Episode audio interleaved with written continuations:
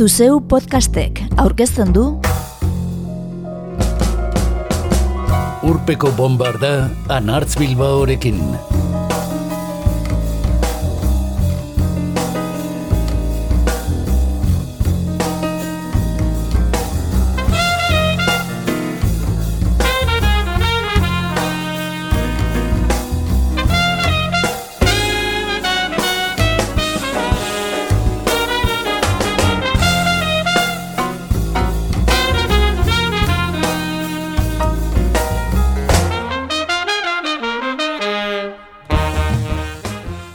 Bi mila eta hogeita batearekin batera abiatu genuen urpeko bombarda, luzera begirako egitasmo bezala.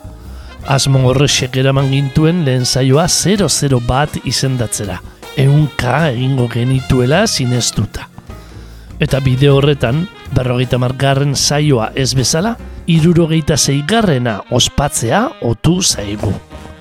Gaur, txerrenari eskainiko diogu urpeko bombarda, sei eta sei. Deabrua izango dugu mintzagai, engero eraitzia edo antikristoa. Eta amabi urte barru podcastarekin jarraitzen badugu, akaso bigarren saio bat atonduko dugu harima baitzailearen omenez. Zeireun deirurogeita zeira iristean. Gaizkiaren jaun nagusiak harreman estua bide du musikarekin. Moralaren zaindariek herrialde askotan lotu baitute demonioa, orain blues eta gero trikiti doinuekin, dantza eta gorputzaren gozamenarekin. Gauzak horrela, Robert Johnson eta The Rolling Stones entzungo ditugu gaur, Max Romeo eta Iron Maiden. Baita Jose Ripiau emeak, Untza, Tremenda Jauria, Labazu eta Aneguria, Beck, Andre Williams, Band of Schools, Rosalia eta Jacques Brel ere. Arima de abruari saldu zion lehen musikaritzat hartzen da Robert Johnson. Hogei garren mende hasieran Mississippin jaioa eta hogeita zazpi urte baino etzituela zendua, pozoindu egin zuten gainera, bi sesiotan hogeita bederatzi kantu baino etzituen grabatu Robert Johnsonek bizirik zela.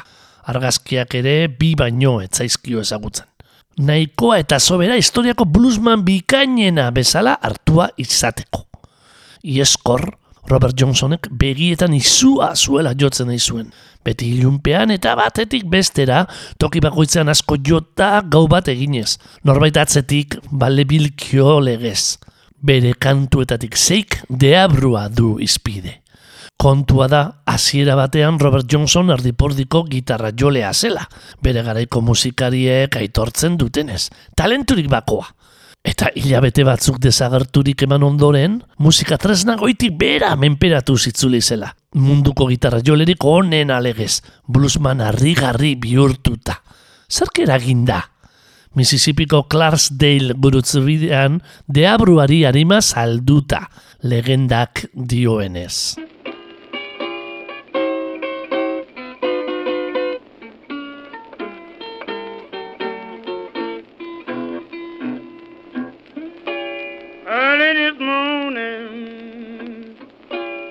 You knocked upon my door,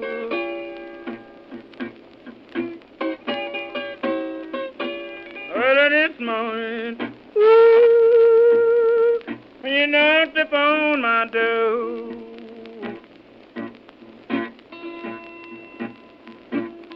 And I said, hello, Satan,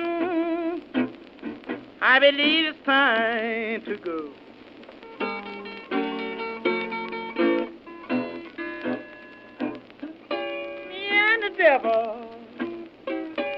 Walking side by side.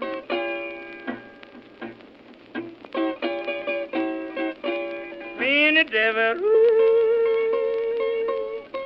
was walking side by side.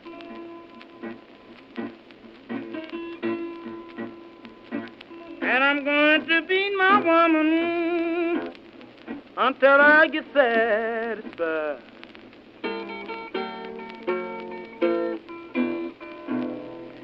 Said you don't see why that you would dog me round. Now, baby, you know you ain't doing me right, don't you? She said you don't see why that you would dog me round.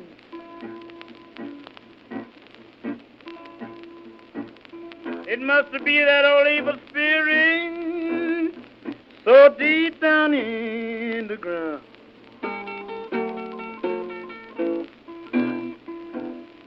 You may be my buddy down the highway side. I don't care where you bury my body when I'm dead and gone.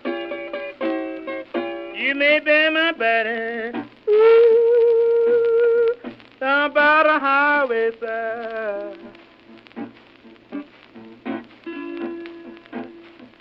So my old evil spirit can catch a greyhound bus and ride.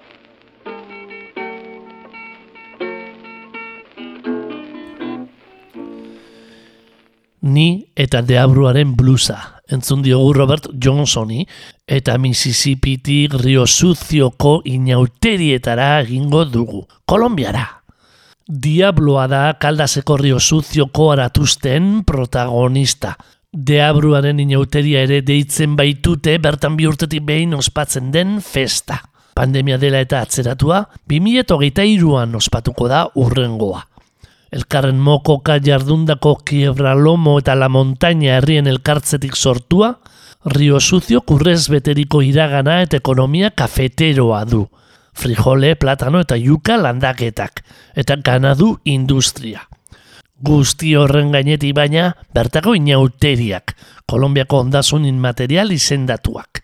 Kiebralomoko gatibuen, la montañako indigenen eta Espainiar kolonizatzailen tradizio nazketatik sortua.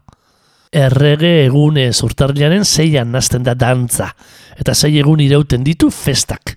Hilabeteetako eragina usten duen arren, mata txineska poema erakurtaldiz eta bestez.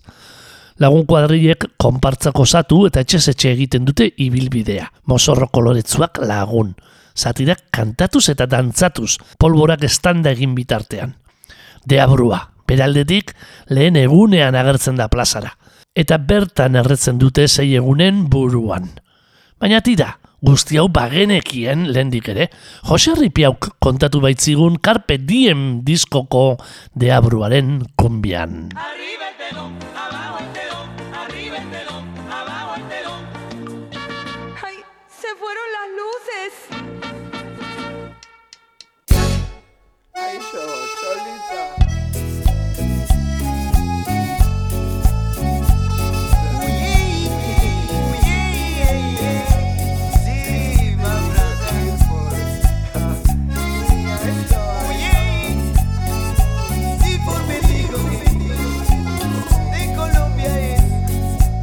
Kolombiako herri batzuetan. Bi urtean behin Urtarrian izaten da. Bi urtean behin Diabro zintzu baten festaguna Ospatzen da. Diabro zintzu baten festaguna Ospatzen da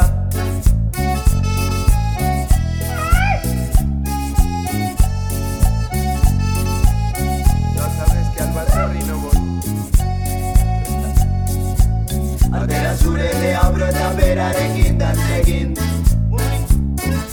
Itxatertzearen onduan Atera surele abrota berarekin dantzekin Hilariaren argipean El que toca el juego se queda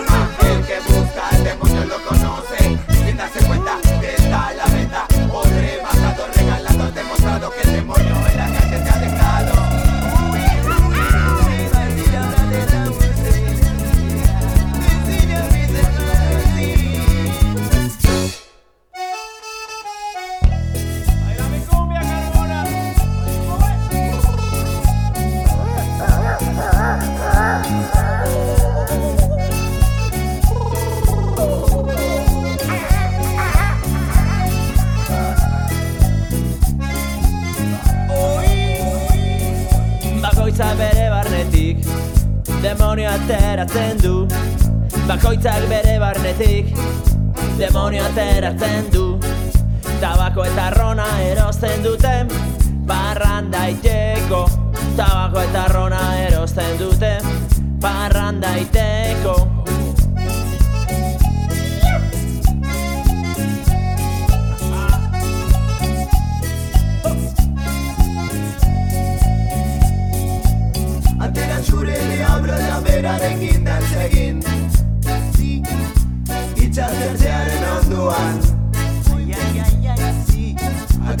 Se abre la vera de urezi aurrera berarekin dantzekin Dantzekin Ilargiaren argipean El que toca el fuego se quema. El que busca el demonio lo conoce.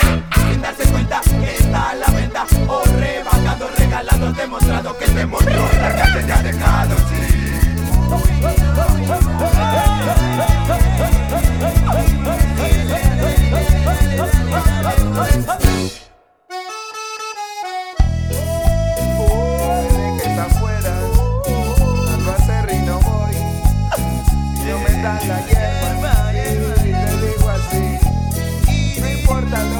Rigi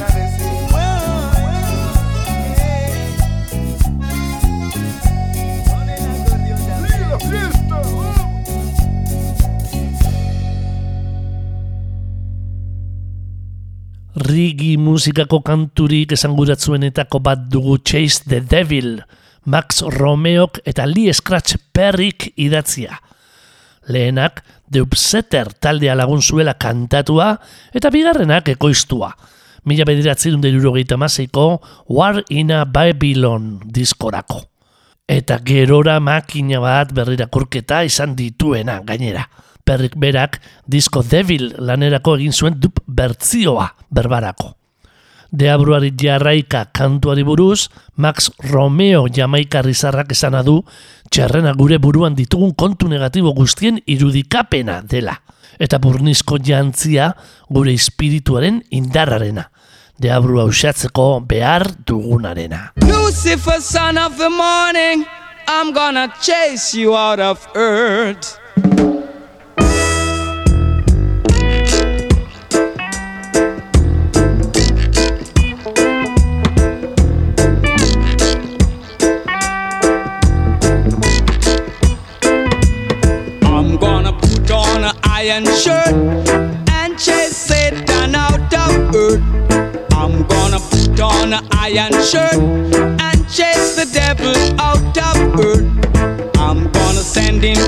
outer space.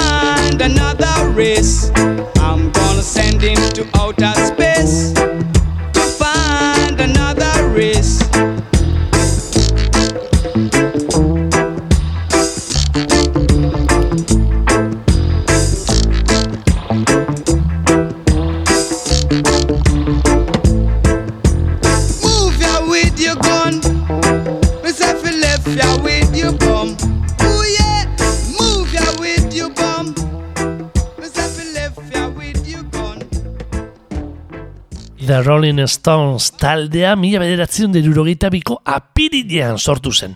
Orain irurogei urte ingalaterran. Eta agudo erdietzi zuen satanikoa izatearen ospea. Mila bederatzen derurogeita zazpian, deabruarekin inolako zer ikusirik ez zuen Their Satanic Majestic Request argitaratu zutelako, eta ondorengo Bigars Banquet diskoan Sympathy for the Devil kantua. Taldekideak zorginkeria zaioak egin eta gaizkiaren mirezle zirenaren zurrumurruak gora bera, rock musikan deabruak debekuaren erakarpena baino ez du irudikatzen. Bizitza zerreragarriago baten grina. Mike Jaggerrek onartua du Sympathy for the Devil, frantziar literaturatik ateratako esaldi bat baino ez dela. Baudelaire irakurri ostekoa. Asperduraren aurrean, arriskoak hartu eta gauzei buelta bat emateaz mintzo dena. Aingeru eraitziaz bainoago. The Rolling Stones taldearen txerrenak, beraz, Blake edo Shelley bezalako poeta romantikoekin du zer ikusia. Askatasun promesa dakarren errebeldea da satanaz. Hipokresia eta komplazentziaren etzaia. Mila bederatzerun derurogeita sortzeko Bigars Banket irekitzen duen Sympathy for the Devilen kasuan, Mihail Bulgakoven The Master and Margarita novelaren irakurketarekin du zer ikusia kantuak. Errusiarrak mila bederatzerun dagoita mazortzian idatzi, eta Bretaña hondian mila bederatzerun irurogeita zazpira arte debekatua izan zena. Jagerrena buruz, txerrena guztu honeko aberatz baten gizara agertzen da liburuan. Bibliako argizko aingerua bailitzan. Edo zein kasutan, altamonteko gertakariekin lotutako kantua dugu Sympathy for the Devil. The Rolling Stones taldeak Hells Angels motorzalea kontratatu baitzituen jaialdia zaintzeko. Eta azken hauek Meredith Hunter erail baitzuten Britaniarrak jotzen ari ziren bitartean.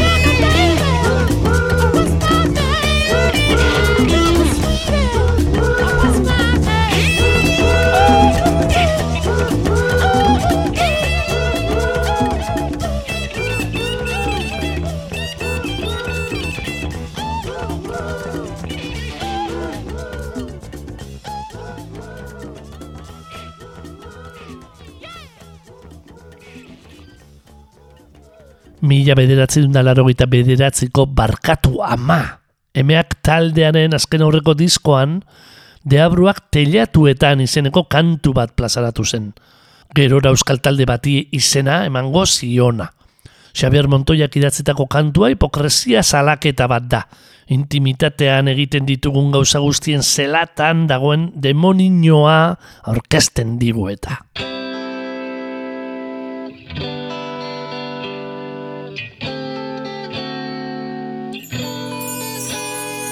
Gauero legez deabra irten da Teiatuetatik paseiatzen da Dena ikusten du begi zorrotzez Ezin zaio inoiz deus eskutatu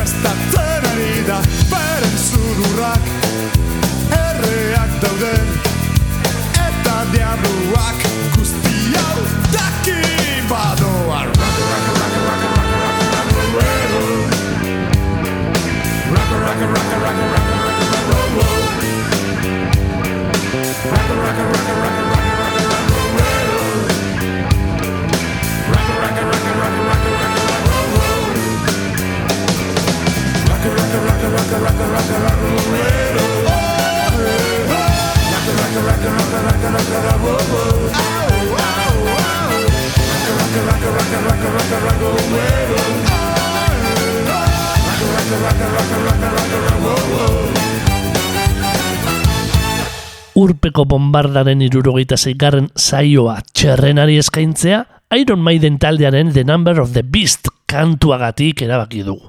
Hori izan dugu abia puntua. Mila bederatzi dundalaro bian argitaratua, taldearen irugarren lan luzea eta Bruce Dickinson kantari ospetsuaren lehena izan zen The Number of the Beast. Orkezpen bira katramilatzua izan zuena, piztia gurtzea leporatu zitzaien eta. Iron Maidenen irugarren lan luzeak kondeira asko dituenez, bitxikeria bat kontatzera mugatuko gara.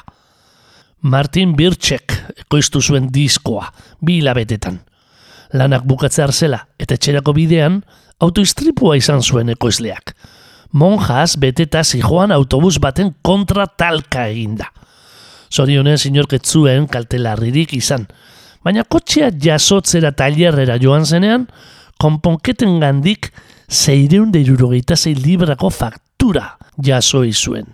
666. Berak bada espada, libra bat gehiago ordaintzea erabaki izuen. Edo zer gerta ere. Woe to you, O earth and sea, for the devil sends the beast with wrath, because he knows the time is short. Let him who hath understanding reckon the number of the beast, for it is a human number. Its number is 666. Left alone. My mind was blank.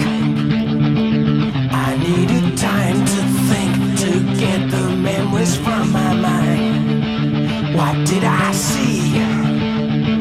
Can I believe that what I saw that night was real and not just fantasy? Just what I saw in my old dreams. Staring back at me. Cause in my dreams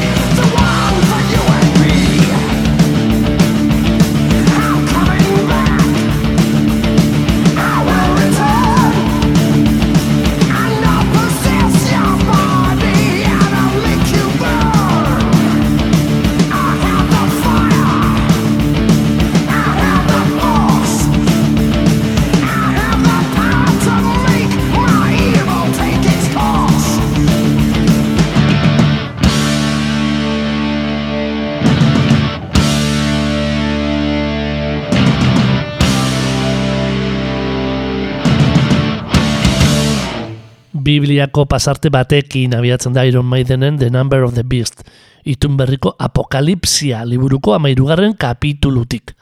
Bat amazortzi aopaldiak irakurrita.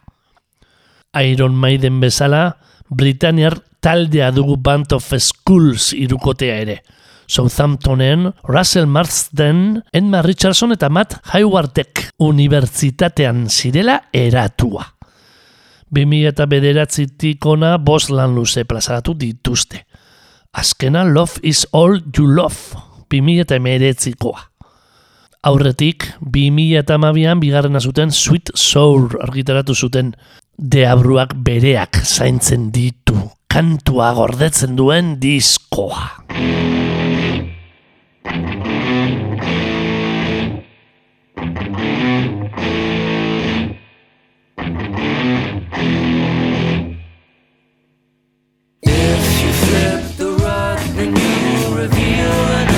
easily see. But the strength of 10,000 will never weep.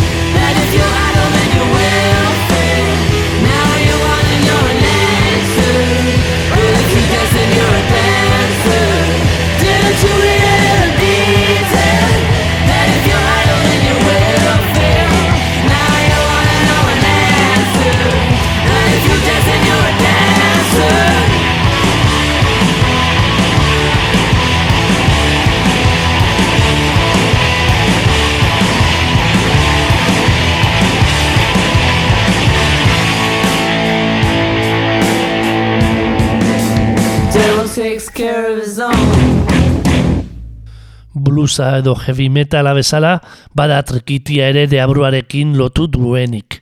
Eliza katolikoko apaisek berbarako infernuko ospoa ditu zuten eskuzoinu txikia edo botoidun akordeoi diatonikoa.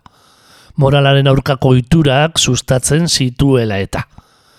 Ez da horregatik izango seguruenera, baina untza taldeak deabruak gara kantarrakastatzuarekin ireki zuen 2018ko xilema taldearen bigarren lan luzea.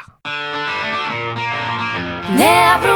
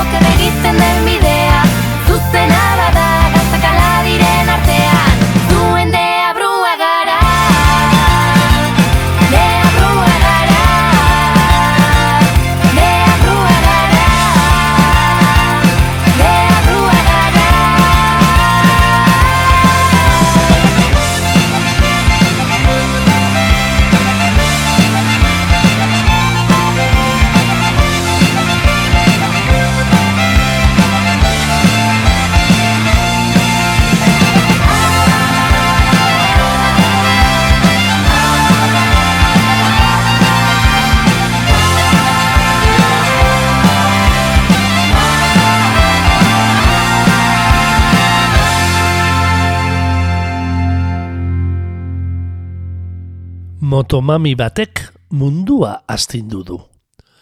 Rosaliak Motomami disko argitaratu du.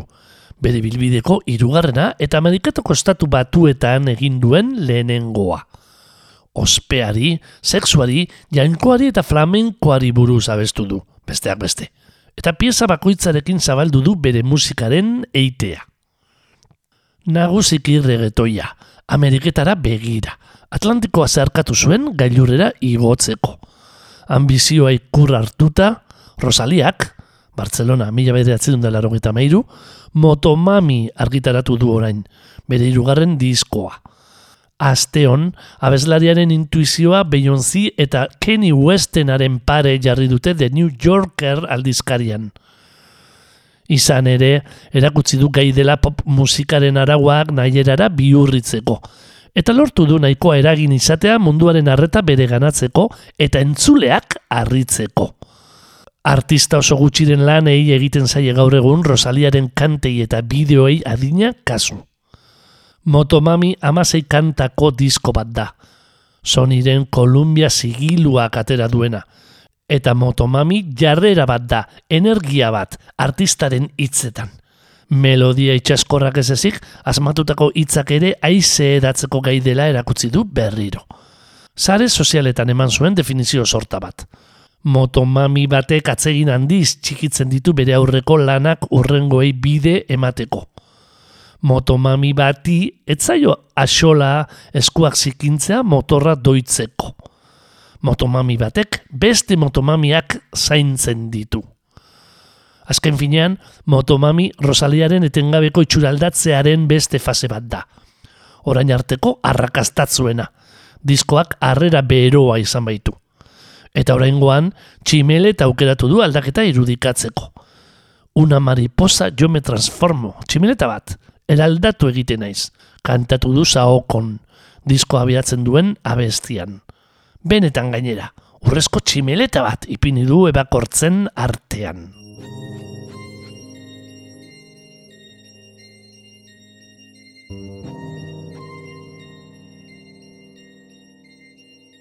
Si lo que pasó ya no pasará, si lo que pasó ya no pasará, si Dios te lo da, te lo quitará, si Dios te lo da, te lo quitará.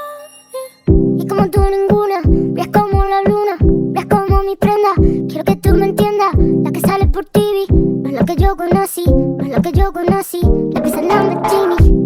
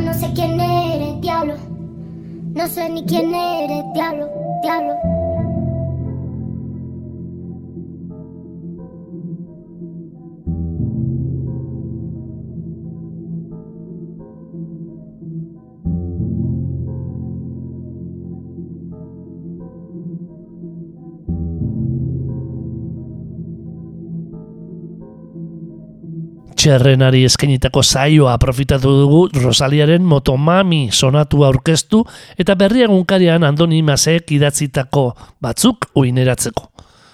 Kantari katalanaren hirugarren lanak Diablo izeneko kantu bat duela eta. Eta dantzan jarraituko dugu. Labazu, aneguria eta jazzwomanekin kantatuko digun tremenda jauriarekin.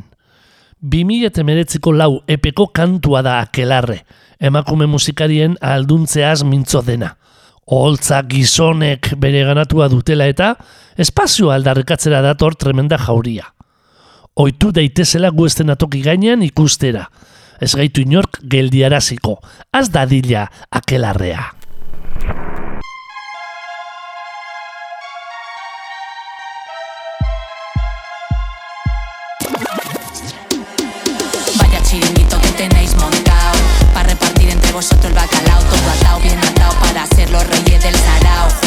que eso se ha acabado. Bla, bla, bla, tanto piqui piqui paná, se de lejos, chaval. Déjate de historias, no quiero tu rollo. Llegaron estas monas reventando el monopolio.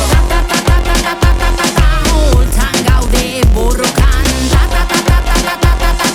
Mezua zabaltzen beti aurrera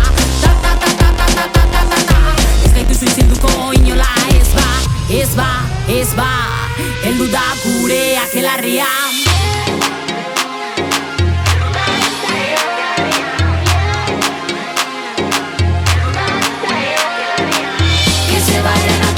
Instagram.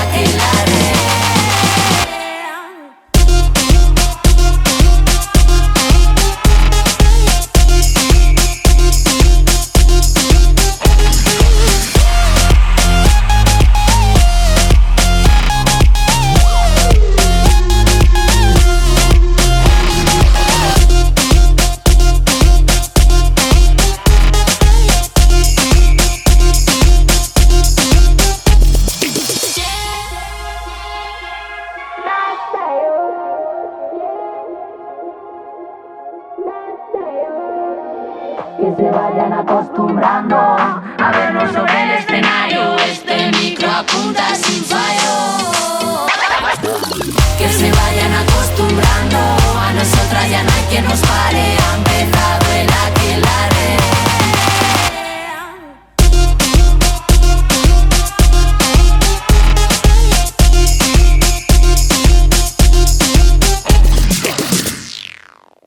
Urpeko bombardan monografiko bat eskaini genion Beck musikariaren Odelai, The Dust Brothersek ekoiztutako maixulanari. Hogeita bost urte bete zituela eta. Berrogeita bigarren saioa genuena. Disko hartako bigarren singela da Devil's Aircut ada jolea. Itzei dagokionean kantu minimalista eta kriptiko xamarra da. Soinuari dagokionez samplerrez josia. Pretty Poor diren soul drums tamborrekin irekitzen da. Eta them taldeak James Brownen Out of Sight kantuari egin zion irakurketa ere jasotzen du. Beck berak jotzen duen talde beraren I can only give you everything eko pasarte eta guzti. MTV apuri purian zela, bideoklipak arrakasta handia izan zuen.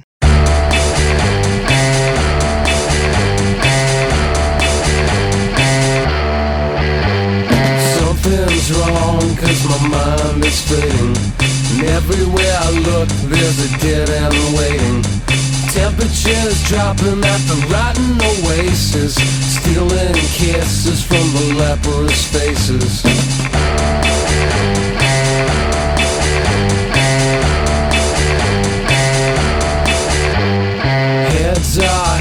from the garbage trees Mouthwash, jukebox, gasoline.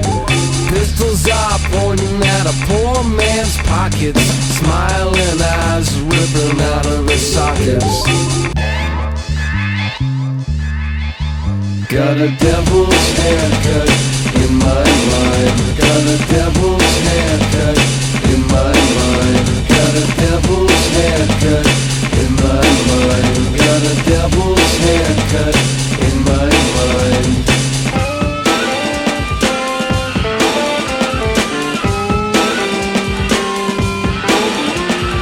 Love machines on the sympathy crutches. Discount orgies on the dropout buses. Hitching a ride with the bleeding noses. Coming to town with the briefcase blues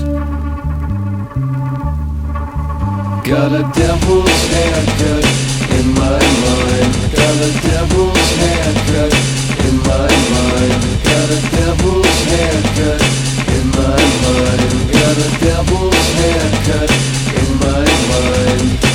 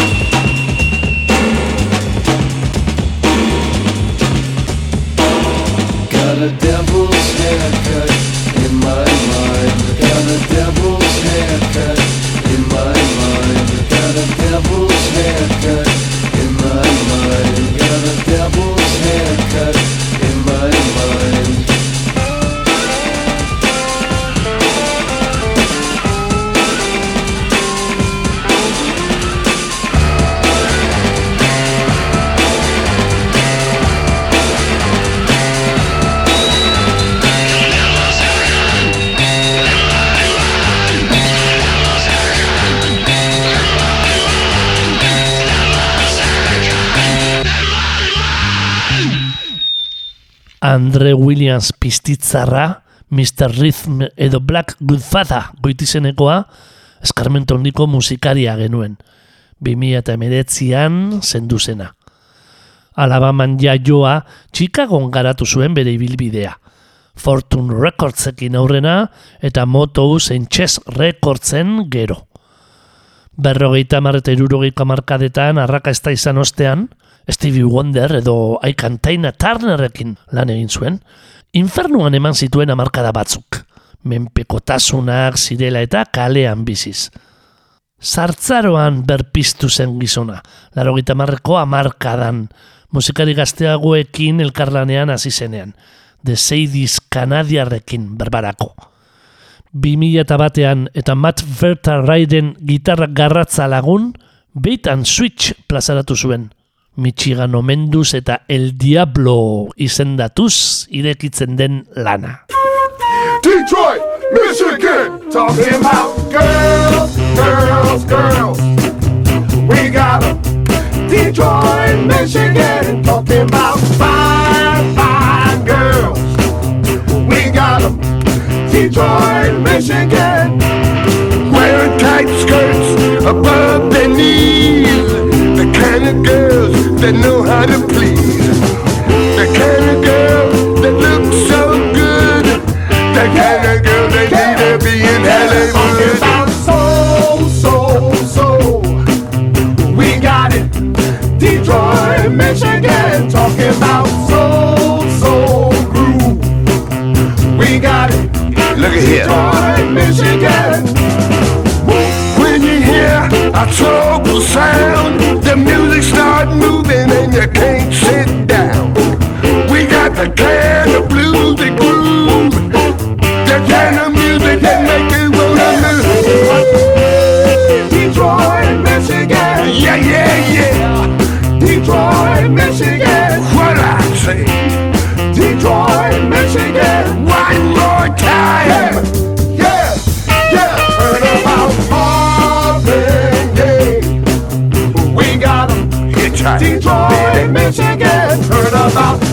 Hitsville, USA.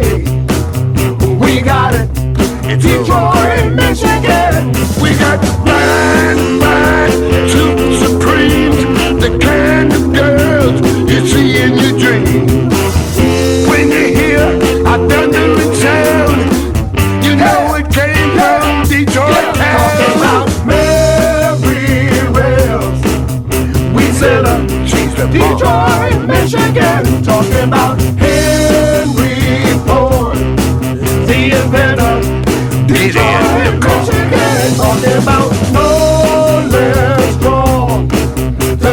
the Diablo.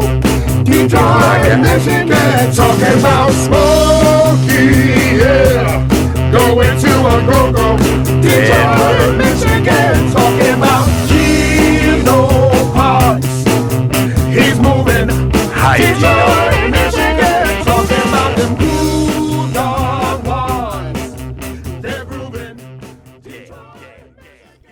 Urpeko bombarda bukaerara heldu den honetan, aitortu behar dizugu entzule, honakoan ere sartu digula ziria deabruak.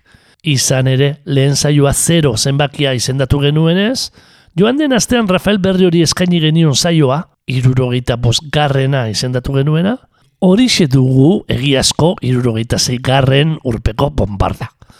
Edo nola ere, Jix Brel, frantziar txansonaren ahotzik ezagunenetakoa entzun da, bagoaz. Eta beste batera gutziko dugu, mila zazpirun dabian Andreas Worksmeisterrek deabruaren interbaloa, edo txerrenaren disonantzia deitu zuena. Hau da, tritonoa. Le Diable Zaba kantuan, deabrura lurrera etorri zela dio Jix Brelek. Dena ikusi eta dena entzun.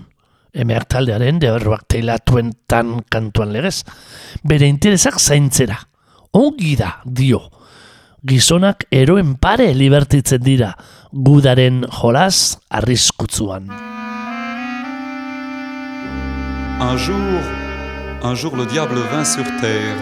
Un jour le diable vint sur terre pour surveiller ses intérêts. Il a tout vu, le diable. Il a tout entendu. Et après avoir tout vu, après avoir tout entendu, il est retourné chez lui, là-bas. Et là-bas, on avait fait un grand banquet.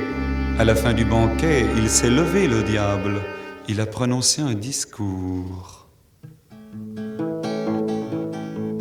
Ça va Il y a toujours un peu partout des feux illuminant la terre, ça va. Les hommes s'amusent comme des fous au dangereux jeu de la guerre, ça va. Les trains déraillent avec fracas parce que des gars pleins d'idéal mettent des bombes sur les voies. Ça fait des morts originales, ça fait des morts sans confession, des confessions sans rémission, ça va. Rien ne se vend, mais tout s'achète. L'honneur et même la sainteté, ça va.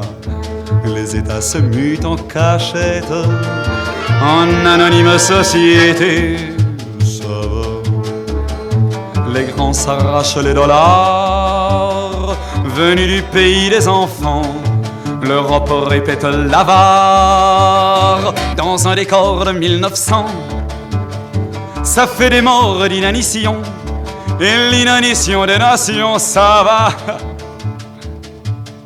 Les hommes, ils en ont tant vu que leurs yeux sont devenus gris, ça va. Et l'on ne chante même plus dans toutes les rues de Paris, ça va. On traite les braves de fous et les poètes de nigauds. Mais dans les journaux de partout, tous les salauds ont leurs photos. Ça fait mal aux honnêtes gens et rire les malhonnêtes gens. Ça va, ça va, ça va, ça va.